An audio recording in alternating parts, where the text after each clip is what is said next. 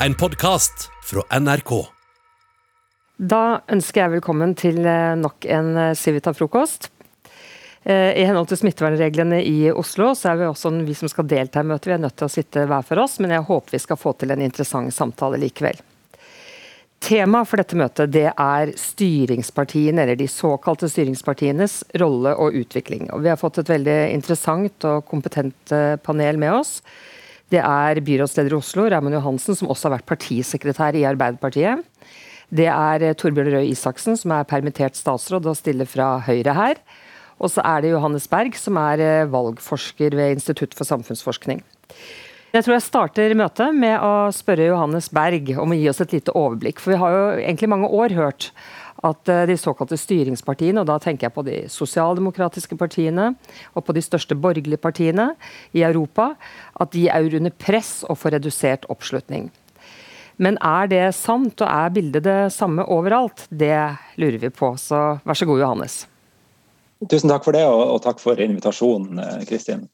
Uh, ja, altså De store styringspartiene, som du sier, sosialdemokratiske partier, moderate Eh, konservative partier, eh, kristelig-demokratiske partier. Eh, de har, hvis man tar det store bildet, ser på europeisk historie siden andre verdenskrig, så er bildet helt klart at, at disse partiene gjorde det bedre, hadde større oppslutning i de første to tiårene etter krigen. Og Det gjelder jo særlig sosialdemokratiske partier. Hvis man tar et, et snitt av Eh, europeiske land i den perioden, så var de partiene dominerende i de første tiårene etter krigen, på samme måte som, eh, som her i Norge.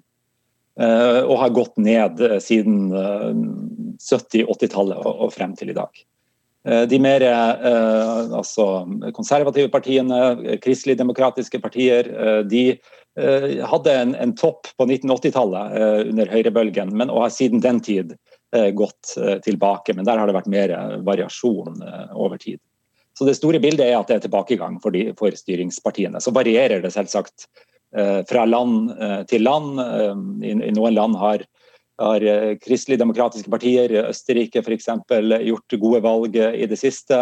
Sosialdemokratiske partier kan gå opp og ned, men, men det lange historiske bildet er likevel en tilbakegang for de partiene.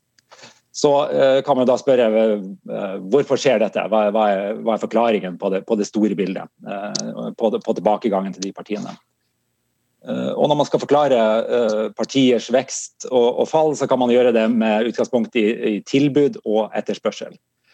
hvilken politikk, hvilke partier tilbys av det politiske systemet, det kan jo delvis være avhengig av valgordningen.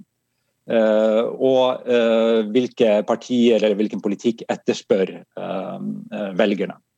og Når det gjelder tilbud, så kan jo det variere en god del fra land til land. noen partier hadde grønne partier f.eks. tidlig, som konkurrerte med sosialdemokratiske partier. Høyrepopulistiske partier har kommet på ulike tidspunkt og har, har, da konkurrert med de konservative partiene om deres velgere. Eh, men når det gjelder eh, etterspørselen eh, etter politikk, etterspørselen etter partier, så er det mange likhetstrekk. Egentlig er likhetene mer slående når man sammenligner europeiske land. Velgere i Norge og i Europa for øvrig har endret seg i løpet av de siste tiårene. Og de har endret seg på mange måter, men, men kanskje de mest sentrale endringene som også kan forklare endring i, i uh, oppslutning om partier, uh, handler om nye politiske saker, nye politiske spørsmål eller nye ideologiske dimensjoner som går på tvers av, av høyre-venstre-aksen, på tvers av de ideologiske dimensjonene som skiller styringspartiene, og som kanskje splitter de her partiene internt. Eh, eller i hvert fall hvor, hvor, styringspartiene på en måte ligger i en slags sentrumsposisjon og ikke tilbyr et, et tydelig alternativ eh, som velgerne ønsker seg. Og, det gjelder saker som eh, klima og miljø, eh, innvandring. Eh, og i mange europeiske land har også EU-saken på en måte koblet seg litt på den samme Eh, den samme eh, ideologiske dimensjonen. Eh, så man har en rekke velgere, særlig kanskje unge velgere, høyt utdannede velgere, som ønsker seg en, en, en litt sånn en grønnere politikk. En politikk som både ligger til venstre, kanskje, og, og har en offensiv miljø- og klimapolitikk. Kanskje man har liberale holdninger når det gjelder innvandring, på den ene siden. Eh, på den andre siden eh, så eh, har man velgere som i hvert fall i de fleste europeiske land i snitt er eldre, som ønsker seg en strengere innvandringspolitikk, som er mer skeptisk til klima- og miljøtiltak, og som da støtter opp om høyrepopulistiske partier. Så, så dermed får man en, en, en ideologisk dimensjon som, som, går litt på tvers av de etablerte partiene, og som også skaper en etterspørsel etter nye politiske partier. Eh, og De nye politiske partiene har jo da oppstått, de, finner man igjen i de fleste europeiske land nå. Eh, og de konkurrerer da om de samme velgerne, selvsagt, som, eh, som de store styringspartiene. Ja, Takk skal du ha, Johannes. Raimond, du kjenner jo de sosialdemokratiske partiene i Europa godt. Man sa jo lenge at Norden var litt unntatt, at det gikk bedre med de sosialdemokratiske partiene her. Men det går jo ikke kjempebra med alle de sosialdemokratiske partiene i Norden heller. Eh, er du enig i denne analysen? Hvordan forklarer du tilbakegangen, ja, spesielt for de sosialdemokratiske partiene? Ja, jeg syns uh, Johannes sin analyse var, uh, var, god. Og nå er jo helt sikkert Torbjørn og min oppgave også det. Vi, vi er jo aktører begge to. Og vi ville ønske å finne analyser som viser at uh, liksom utfordringene og problemene ofte er, er, mindre, og partiene gjør det bedre. Men jeg har bare lyst til å si at for, for, meg er det veldig grunnleggende å si at Arbeiderpartiet, som jeg representerer, er jo ikke et mål i seg sjøl.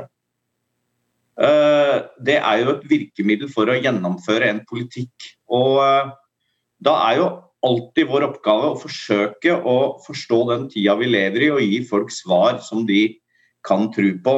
Og eh, det har jo, som Johannes er innom, så er jo Regelen mer enn unntaket er jo det at det svinger også veldig for sosialdemokratiske partier. Har gjort det lenge.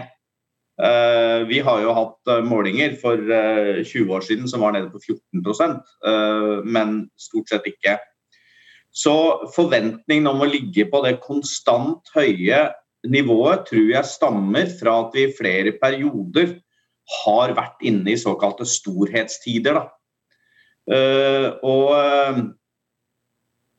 vi sliter nå, og har slitt lenge. Eh, og grunnen her og eh, i andre land er at vi ikke klarer å mobilisere velgere. Og eh, det er kanskje noen utviklingstrekk som gjør at vi som styringspartier får noen dårligere kår. Da. Det å forsøke å forene ulike interesser Eh, samle folk med ulik bakgrunn, ulike motiver for å engasjere seg, og ikke har en felles sak. Og så på en måte kan vi si at vi ikke har en primærpolitikk, men vi har svært ofte nest beste løsninger. Og eh, de nest beste løsningene har jo ofte det til felles at de ofte er lettere å gjennomføre, da. Det, må jo, det må jo sies. Men dermed mener jeg også at vi oppnår ganske gode resultater når vi er i posisjon. Eh, problemet er at jeg opplever at det er ekstremt vanskelig å kommunisere i dag nest beste løsninger. Og for det er alltid et annet parti som bevilger mer penger, lover mer, enda mer kritiske enn oss, og den mediedynamikken da, eh, som vi også i dag eh, har, bygger jo veldig, veldig opp under partier som er tydelige og som kan forenkle. Og i tillegg da er så heldig eller uheldig at de slipper å ta ansvar. Senterpartiet kan si klart ifra at de vil overføre milliardbeløp fra Groruddalen til distriktene, slik de foreslo. MDG kan si at de vil sette en sluttdato for oljenæringa. Og vårt parti kan jo ikke si sånn. Og eh, det å nå prøve å finne løsninger som forener by og land, og som forener oljenæring og klimabevegelse, det er mye vanskeligere. Og eh, jeg veit ikke. Eh, at i dagens politiske landskap så ser det ut til uh, Spent å høre både Johannes og Torbjørns uh, vurderinger rundt det. At uh, det er en veldig sterk et, I den grad det er et engasjement, så er det et veldig sterkt engasjement ut fra enkeltsaker og mange saker. Ut fra person og ikke ut fra parti. Og ikke helhetsløsninger. At vi sliter med det. Så har jeg mange forslag eller tanker om hvordan jeg tror det kan gjøres bedre. Men i hvert fall så oppfatter jeg at det er litt av, av årsaken. Og så har jeg ilet til å si det at som byrådsleder i Oslo, så er jeg jo heldig å reise rundt og besøke mange kollegaer i andre europeiske byer. Og i andre europeiske byer så, så står jo sosialdemokratiet veldig sterkt. Jeg har jo i veldig, veldig mange kollegaer som kommer fra den samme bevegelsen og samme parti som meg, rundt i byene, selv om regjeringen da ikke er uh, sosialdemokratisk, så er det ofte de store byene det. Så det er i hvert fall også et utviklingstrekk som er verdt å nevne.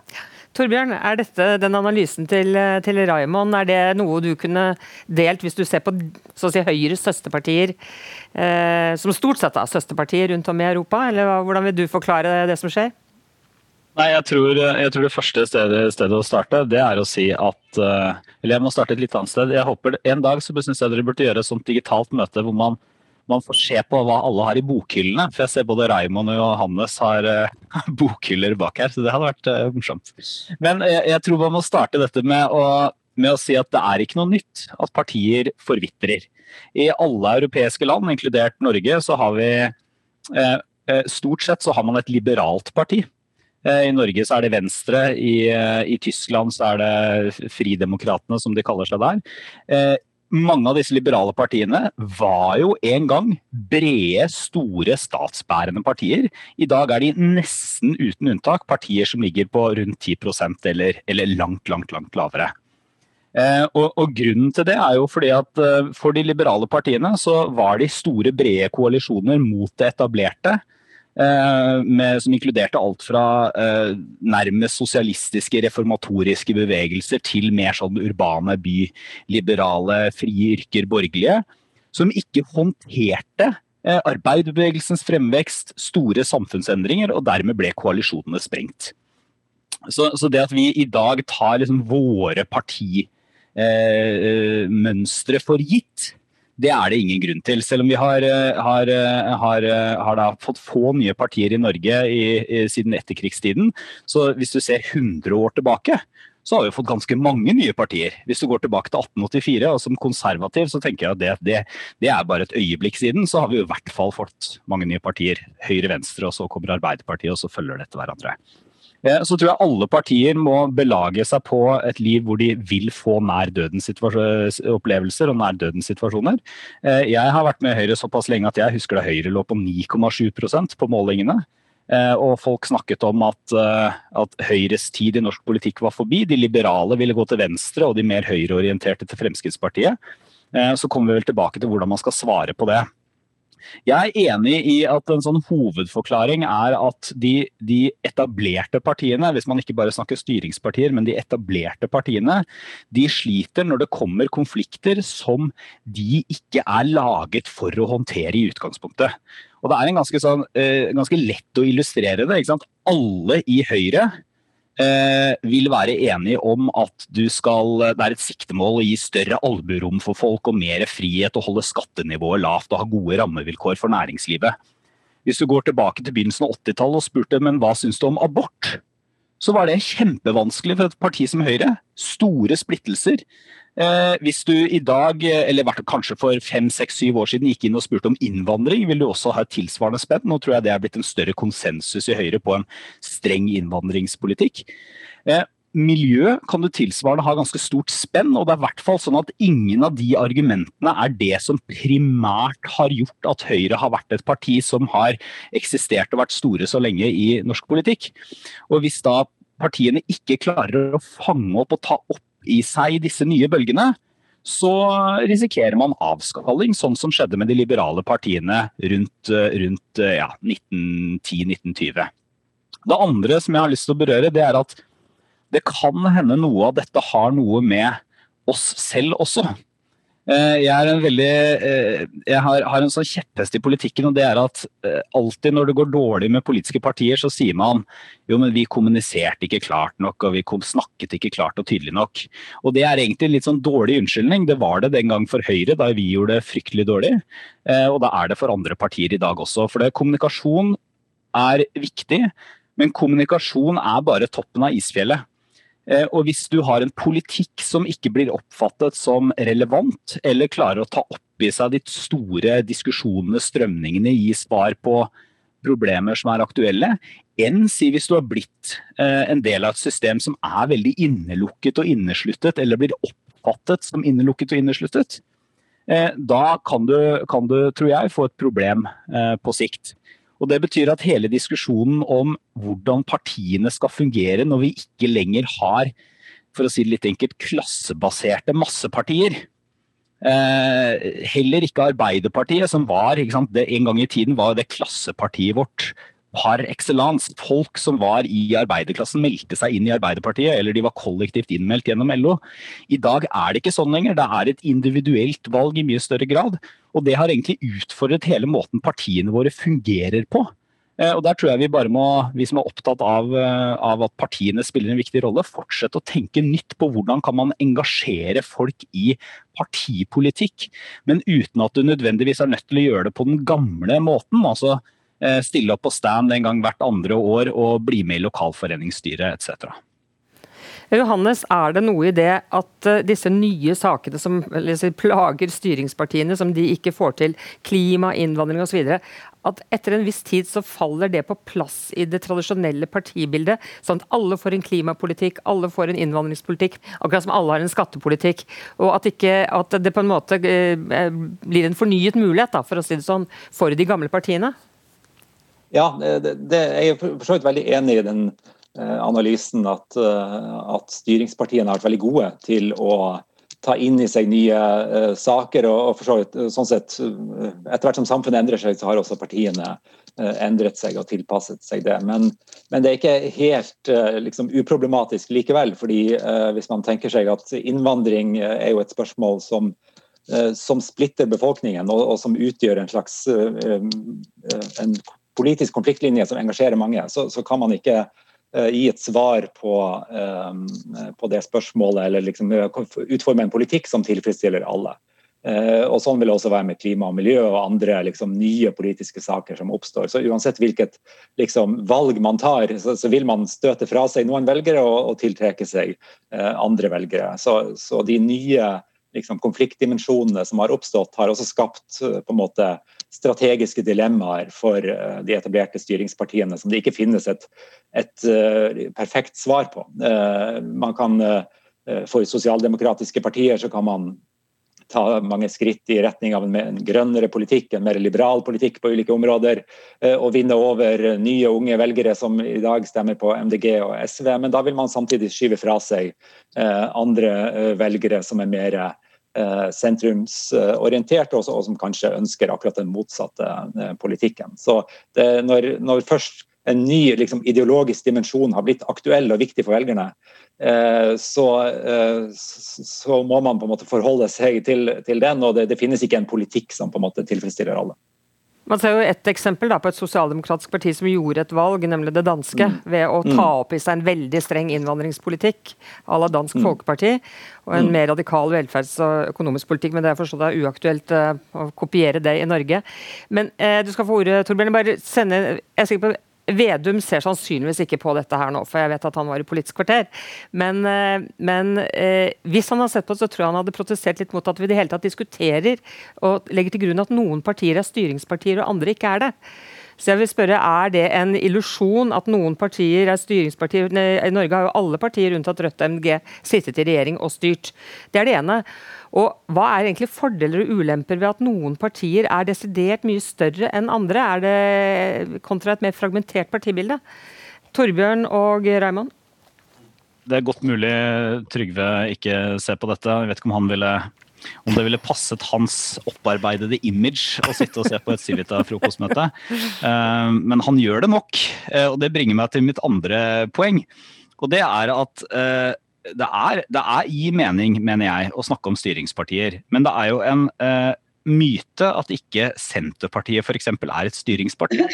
Er det ett parti i, i, ved siden av Høyre og Arbeiderpartiet som så definitivt fortjener merkelappen, eller eventuelt eh, ja, Hvis man mener at det er noe negativt, da, eh, så, så, er det Senterpartiet. Ikke bare gjennom sin styring i norske kommuner, men gjennom måten de har også da deltatt i norske regjeringer på.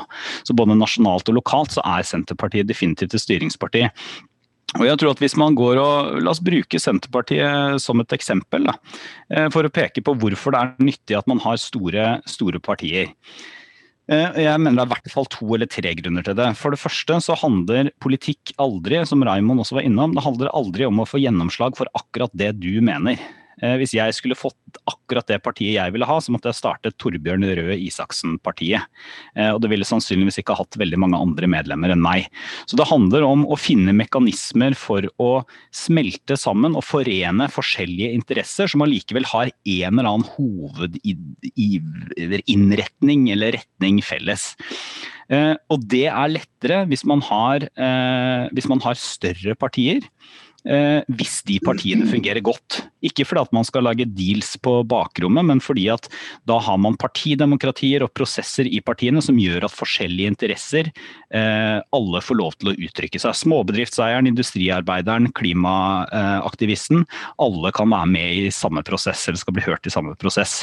Og Det andre grunnen det er at her tror jeg Senterpartiet er et veldig godt eksempel lokalt, når f.eks. Senterpartiet ofte gjør upopulære ting i kommunene. Dette er det mange eksempler på. Eh, det er at eh, i vårt demokrati så er det jo ikke sånn at det folkemeningen står for til enhver tid, er det som automatisk blir politikk. Vi har et representativt demokrati, og det betyr at vi velger eh, tillitsvalgte som får folkets tillit til å styre, også å gjøre beslutninger som kan være upopulære der og da. Eh, og Det er ganske viktig, for i sum så mener vi at det systemet tjener oss bedre. det har demokratisk legitimitet, men det betyr ikke at folkemeningen, eller det som det til enhver tid er flertall for, automatisk blir omgjort til politikk. Og Det er ganske vanskelig å få til hvis man ikke har et, eh, et, eh, et partisystem hvor noen store partier får i hvert fall akseptabel eller høyere oppslutning over tid. Og så er jo ikke det folks feil hvis de ikke velger å stemme på disse større partiene. Det er jo de større partienes problem, men jeg mener også det er et problem for systemet vårt.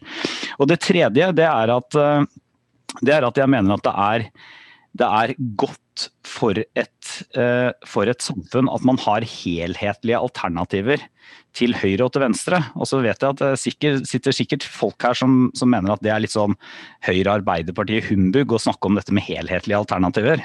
Eh, en SV-er eller en Frp-er eller eh, andre vil si at jo, men vi har også helhetlig politikk. Det får bli et eget frokostmøte.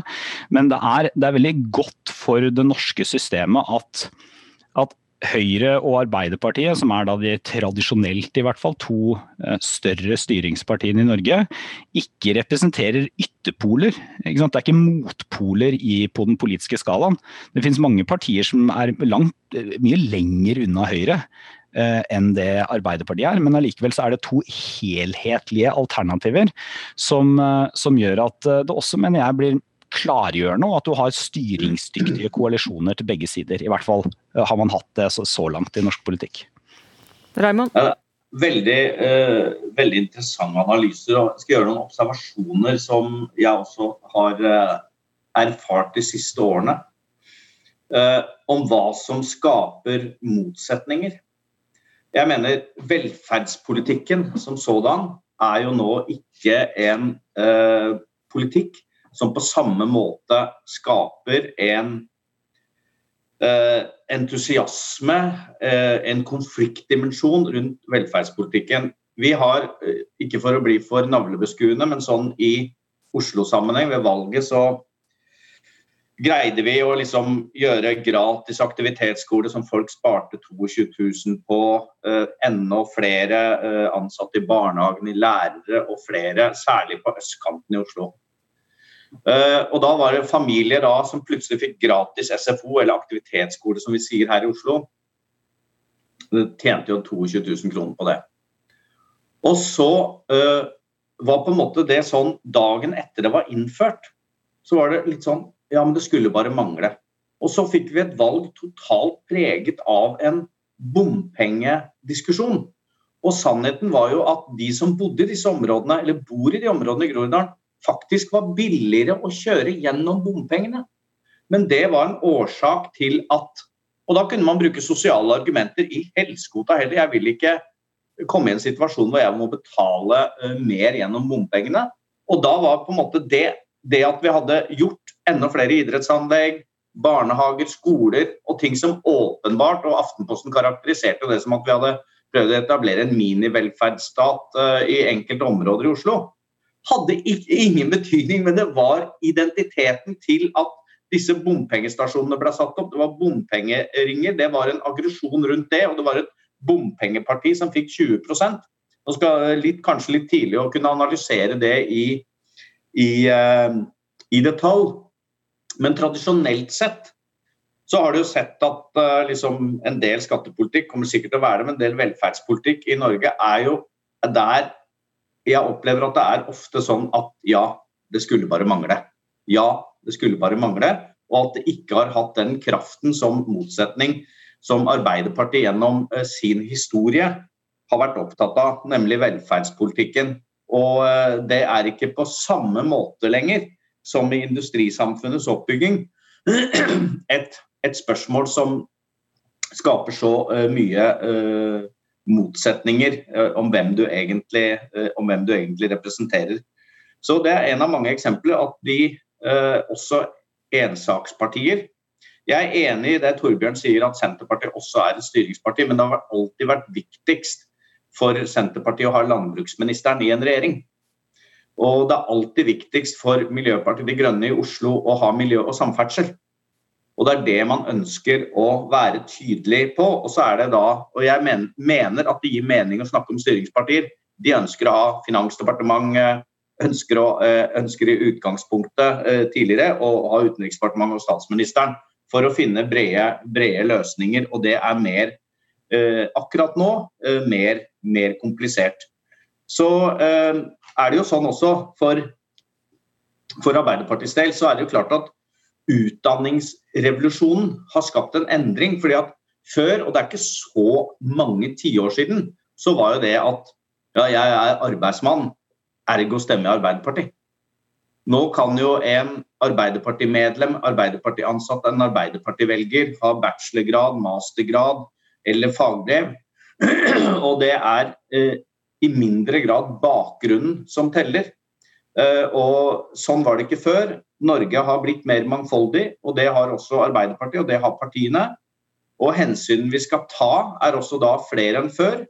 Og jeg mener, eh, kanskje uenig med Torbjørn i det, at eh, medievirkeligheten utfordrer styringspartiene. Det er raskere og enkle løsninger på kompliserte spørsmål passer ikke like godt i et parti som er laget for å forene de ulike interessene. Og uh, det, det uh, kan høres ut som en, som, en, som en, unnskyldning for noe, men i hvert fall for meg så er det forsøk på en forklaring. For, noen ganger så burde folk tenke som Politikken er jo liksom også som i et ekteskap. Og I et ekteskap så er det å finne kompromisser hver eneste dag. Og det er absolutt å finne nest beste løsninger. Men når man er ute og leter i, den, i politikken og i de politiske partiene, så er det hvem som er klare og tydelige, og uh, hvem som sier noe som virkelig veldig sterkt appellerer til deg. Så liksom dette med det edle, flotte kompromisset For jeg mener jeg elsker kompromisser. Eh, det er liksom eh, noe edelt og flott og samlende. Nå blir jo det ofte, oftere karakterisert som unnfallenhet, som noe uklart. Uh, som noe man ikke egentlig, egentlig, mener, men dess klarere du er på alle mulige eh, spørsmål, dess bedre. Og det, ikke, det ligger liksom ikke helt i DNA til det partiet jeg representerer, som uh, er etablert på industrisamfunnets motsetninger. Eh, at det å finne kompromisser og nest beste løsninger er mer krevende. Ikke minst, og det må skille, Torbjørn, Ikke minst når vi er et opposisjonsparti. Det er klart at i et posisjonsparti, eh, når man er i en posisjon, så er det jo selvfølgelig eh, mer forståelig å, å, å skulle være den som tar ansvar for helhetlig og nest beste løsning. Men i opposisjon er det også veldig krevende. En kommentar til Johannes, da er et spørsmål til. ja. Johannes? Ja, eh, ja, veldig interessante ting. Og, og, det er klart eh, Argumentene for de store styringspartiene er jo ivaretatt her, eh, kan man si. Men hvis, man skal, hvis det skal komme noen argumenter også for de små partiene, altså fordeler med å ha kanskje et mer fragmentert partisystem, som vi jo har fått i Norge over tid, så, så tror jeg de viktigste argumentene der er at små partier, til og med ensakspartier som Bompengepartiet, kan også fungere som en slags sikkerhetsventil eh, i systemet. Det er en måte for eh, liksom, genuin misnøye eller genuine meninger som finnes ute i samfunnet, til å bli kanalisert inn i det politiske systemet. Det var en, en liksom, mye omtalt analyse på 1990-tallet av Fremskrittspartiet i Norge, som mente at, eller som fant at, at det at man hadde politikere som på en måte uttrykte meninger som var litt ukorrekte, men som mange var enig i, Eh, og at de kom til orde liksom, i nasjonal politisk diskurs, var positivt for den politiske tilliten. Fordi folk eh, på en måte følte at de ble representert av folk som var, var enige med dem selv. Eh, og det er klart Man får et mer hva skal man si, representativt politisk system, representativt for mangfoldet av meninger, når man har små partier. Så de kan sånn sett ha en ha en, eh, en, positiv funksjon for på en måte støtten til systemet og oppslutningen om, eh, om demokratiet. Du skal få ordet nå, Torbjørn, men bare dette med nest beste løsninger. Jeg regner med at du ikke mener at Eh, standpunktet 'hele folk i arbeid' er nest best, men det du sikter til er at liksom mer moderate løsninger, kompromisser uh, osv. At det er det du kaller, her kaller nest best. Og bare et sånt spørsmål... Ja, for, ja det, er veldig, det er et veldig godt spørsmål uh, og en anledning som Jeg har jo sittet og ledet en koalisjon i en stor norsk by uh, i fem år. Og det er klart at uh, det å Noen har veldig, veldig Altså på miljøpolitikken, da Eh, helt konkret så er jo eh, Miljøpartiet De Grønne, som styrer utmerket med, vil jo ha enda mer drastiske tiltak. F.eks. For, for å få ned privatbilismen i Oslo. Og så må vi finne løsninger som også på en måte ikke både representerer en del av de velgerne som ikke bor i Oslo sentrum, litt unna. Det er helt sånn konkret. Der er det for Miljøpartiet De Grønnes velgere så er det nest beste løsninger, og for Arbeiderpartiets velgere som bor i Groruddalen, så er det nest beste løsninger, eller i hvert fall uh, eller nest dårligst, om de kanskje ville uh, sagt det var. Så det er det jeg mener med kompromisset. Men, hvor, men, hvorfor greier ikke uh, styringspartiene for å kalle det å sette dagsorden med de såkalt nest beste løsningene? Flertallet stemmer tross alt ikke på MDG. Det store flertallet stemmer på mer moderate løsninger. Ja, altså Du ser jo, du ser jo liksom bare sånn enkeltting på ofte på invitasjoner til de politiske debattene så er det jo ofte de som har sagt noe Det er alltid Frp som blir uh, invitert inn når det dreier seg om et innvandrings- uh, eller uh, integreringspolitisk spørsmål. For Da er det tydelig, det blir debatt, det er spennende. Og så er det kanskje en representant fra Høyre og Arbeiderpartiet ikke like tydelige og skaper ikke en like morsom politisk debatt om det. Men hvis det er da representanter fra de partiene som har sagt noe som oppleves som å være ytterkant, så kan du tråkle rundt i Media-Norge i et par dager uh, for å mm. Torbjørn, eh, du skal få ordet, du bedt om ordet, men jeg har lyst til å sende med et eh, spørsmål også. fordi Kan det være at baksiden av medaljen for styringspartiene er at man blir så vevet inn i systemet? Blir en del av forvaltningen, blir lite systemkritiske, blir kanskje litt arrogante. Vi vil bare være med i regjering hvis vi er størst. Altså, Kan det være at det kommer en reaksjon fra velgerne også på det? Arrogante? Moi. Eh, nei, det, svaret på det Kristin, er definitivt ja. Eh, og det var det jeg, jeg antydet, eller sa det vel også i første innlegget mitt, at jeg tror noe av dette også handler om hvordan partiene våre er lagt opp. Og særlig da eh, Altså vi, vi har partier som eh, som har vært Altså vi har medlemspartier eh, som har relativt lukkede prosesser, eh, som historisk sett har vært har vært eh, eh, gruppebasert. altså I den forstand at eh, Arbeiderpartiet var som jeg sier, det tydeligste eksempelet ved at man, man organiserte en tydelig samfunnsklasse, men også borgerlige partier eller Kristelig Folkeparti gruppebasert, basert på en type identitet, gjerne geografisk tilhørighet, sammen med, med Senterpartiet, også, også gjeldende til viss grad for Høyre. jeg tror at nettopp det å, å sitte sitte og styre er potensielt veldig skadelig for en politiker. Eh, jeg tror alle som har sittet som statsråd eller byrådsleder eller annet, merker det på seg selv også. Etter en stund så, du, så må du tenke deg om, ikke for å si ting på en forståelig måte, Eh, nei, for å si ting altså Du må tenke deg om for å ikke si ting på en uforståelig måte. Man tilegner seg en fagsjargong, man, eh, man, får et bestemt perspektiv på hvordan eh, samfunn og system og verden ser ut. Eh, selv om man vaksineres gjennom å hele tiden være ute og møte folk. Det er ikke mange som møter så mange forskjellige mennesker som det norske politikere gjør, også de som sitter og styrer. Eh, og I tillegg da så har man partisystemer som som kanskje ikke har klart å, um, klart å um, å engasjere folk inn i partipolitikken på nye måter. Dette har vært en diskusjon i 20 år, men jeg tror egentlig ikke vi har klart det på noen av de etablerte partiene. Eh, og så eh, Bare et par kommentarer til det. Eh, jeg jeg syns også kompromisser er fint og viktig.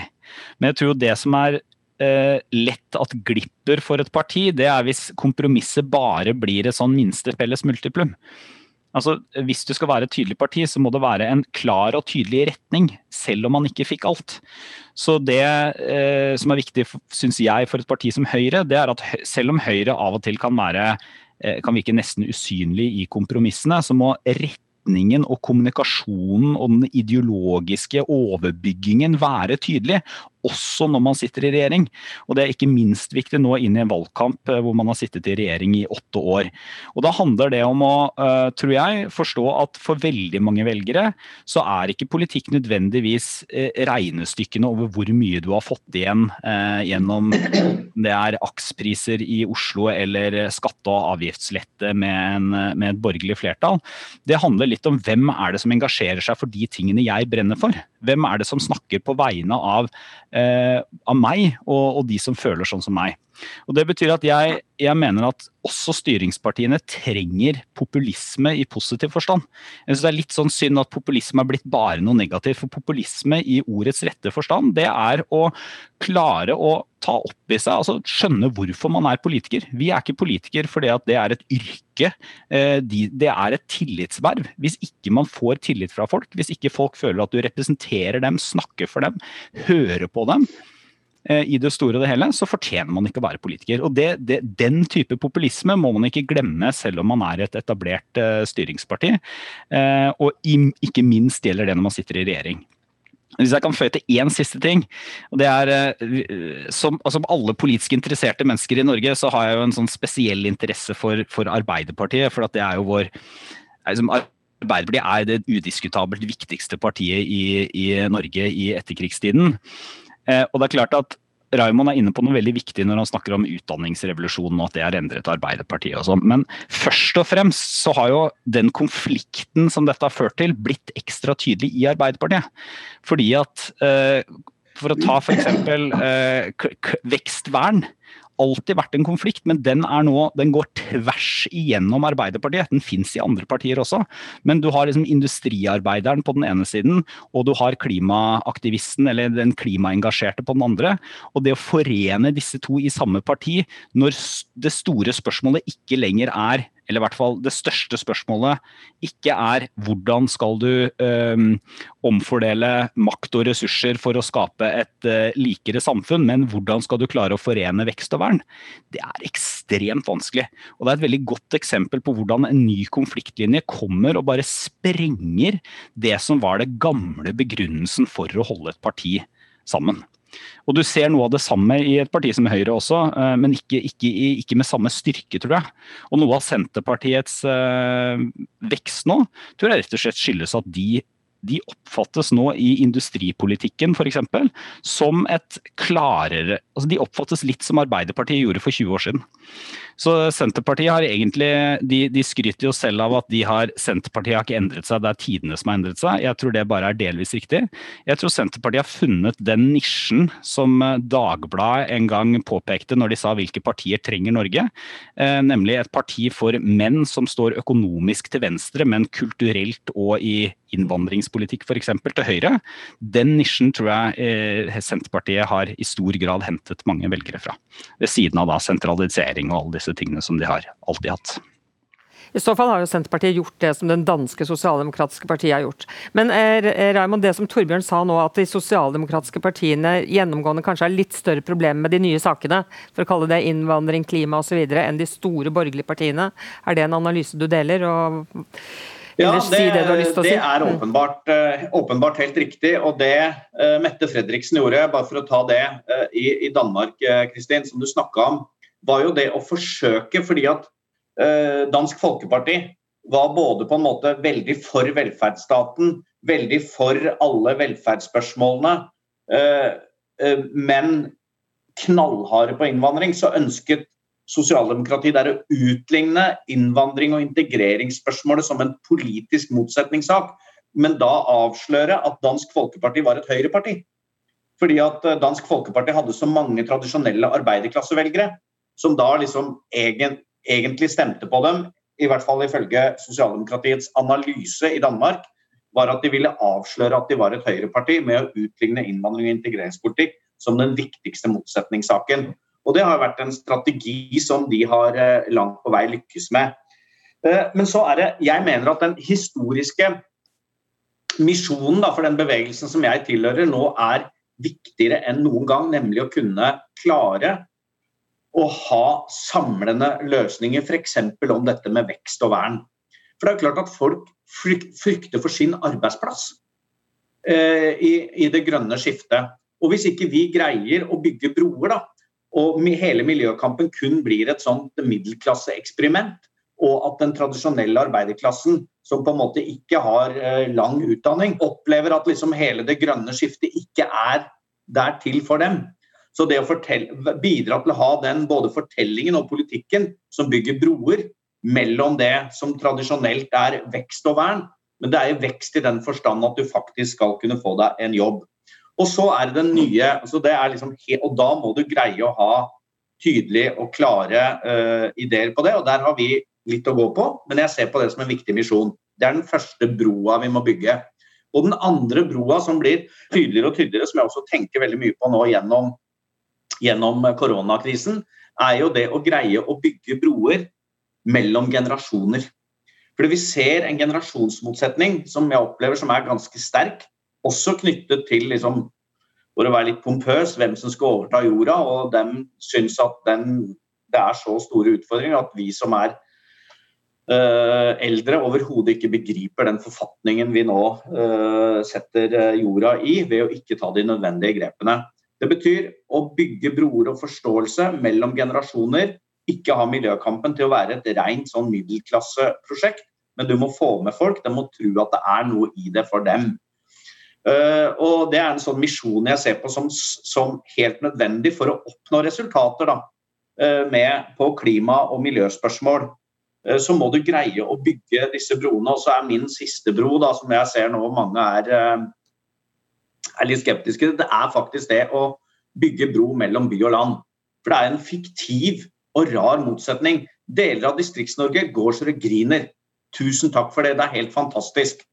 Eh, og så er det skapt et veldig sterkt narrativ, som også Torbjørn var inne på, at det er en veldig sånn sterk identitet knyttet til denne sentraliseringen som vi må greie å snakke om. Men vi er jo gjensidig avhengig av hverandre. F.eks. Oslo kommune er jo en av de største krafteierne i Norge. Bare Statkraft er større.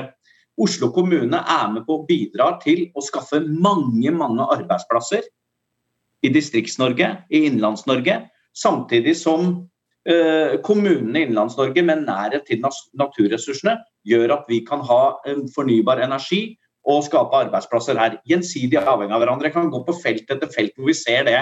Hvorfor ikke snakke om at vi er gjensidig avhengig av hverandre? at distriktspolitikken, deler av distriktspolitikken i Norge er jo også en fortelling, en eksportartikkel.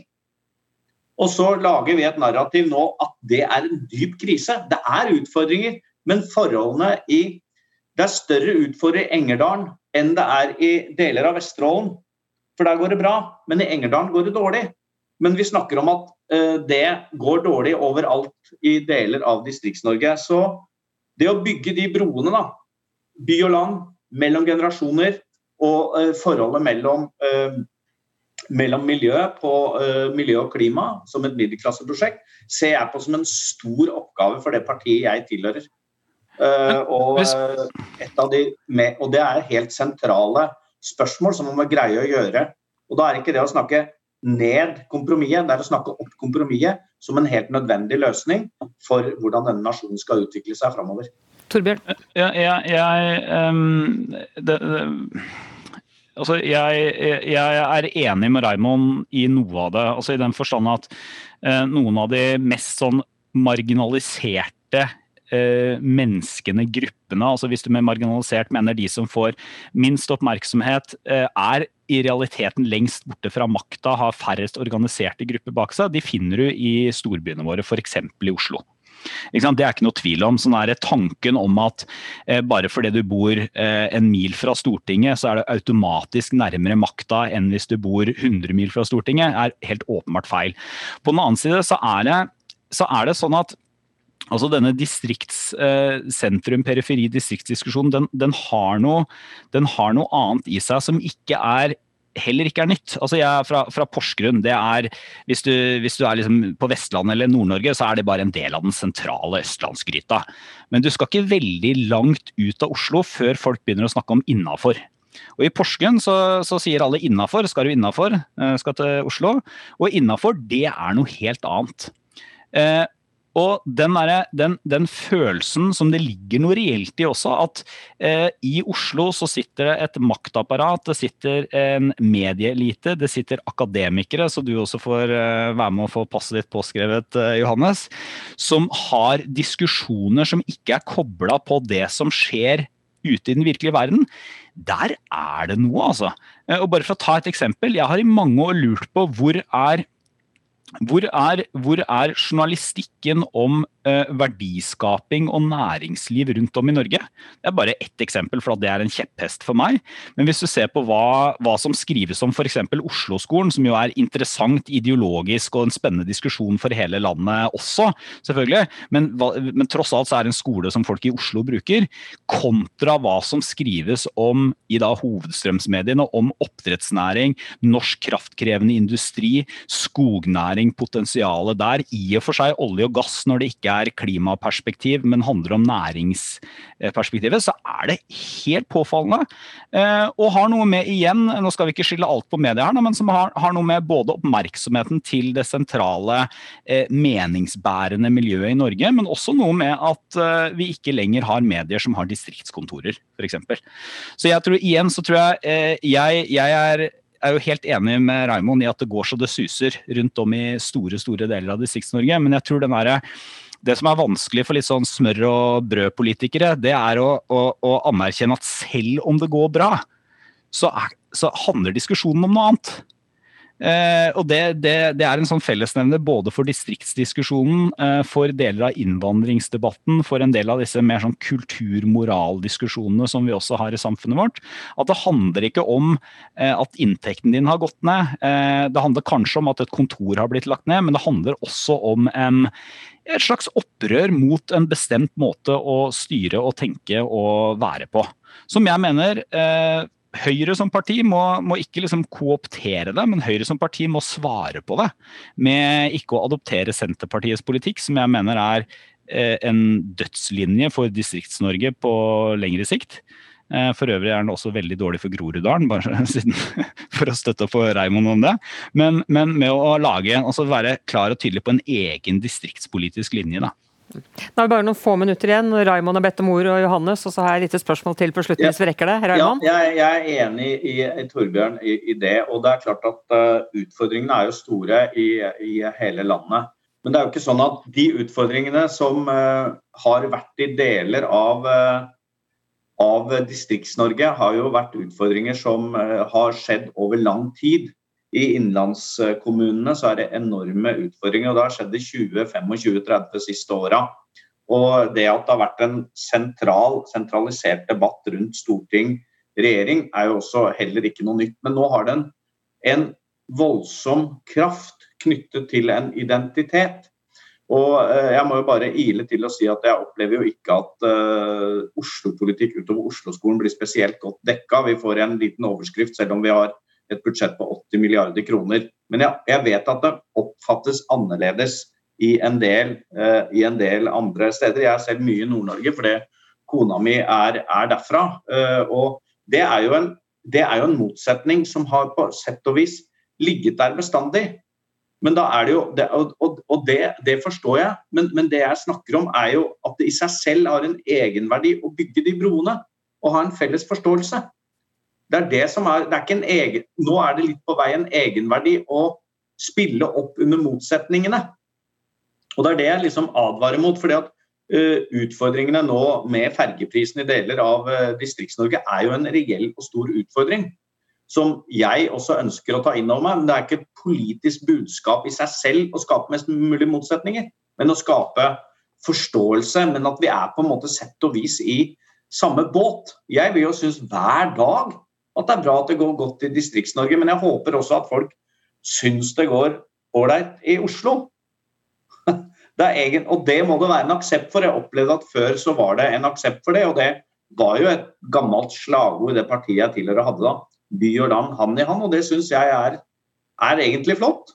Og så kan noen eh, grine på nesa og synes at jeg uh, prøver å, å, jukse og fortelle og unndra noen motsetninger som uh, jeg egentlig ikke vil snakke om.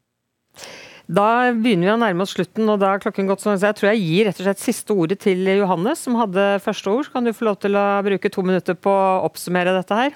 Om eh, styringspartiene. Vil de f.eks. Eh, deres identitet og selvforståelse, er den helt avhengig av at de er størst innenfor sine blokker?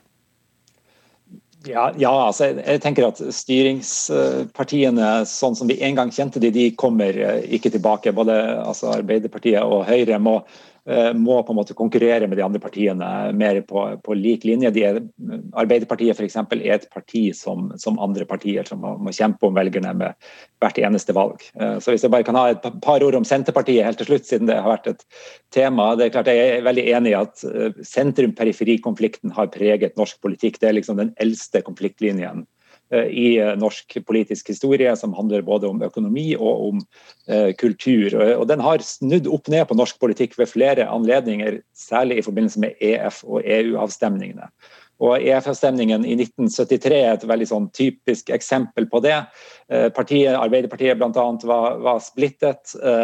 Velgerlojaliteten Eh, gikk kraftig ned etter EU-avstemningen fordi velgerne på en måte valgte noe annet enn det etablerte styringspartiene eh, ønsket. og Da gikk Arbeiderpartiet på en stor smell ved, ved valget i 1973 eh, etter det, og man fikk et nye partier, Anders Langes parti osv. Så, videre. så denne konfliktlinjen kommer til å være med oss, men den har blitt særlig aktuell i det siste på en, på en måte som ligner på EU-avstemningene, egentlig. men jeg er usikker på om det er noe som kommer til å vare inn i, eller vokse inn i himmelen. Ok, Tusen takk skal dere ha for at dere deltok, og takk for dere som hørte på og så på. Takk for i dag. Du har hørt en podkast fra NRK. Hør flere podkaster og din favorittkanal i appen NRK Radio.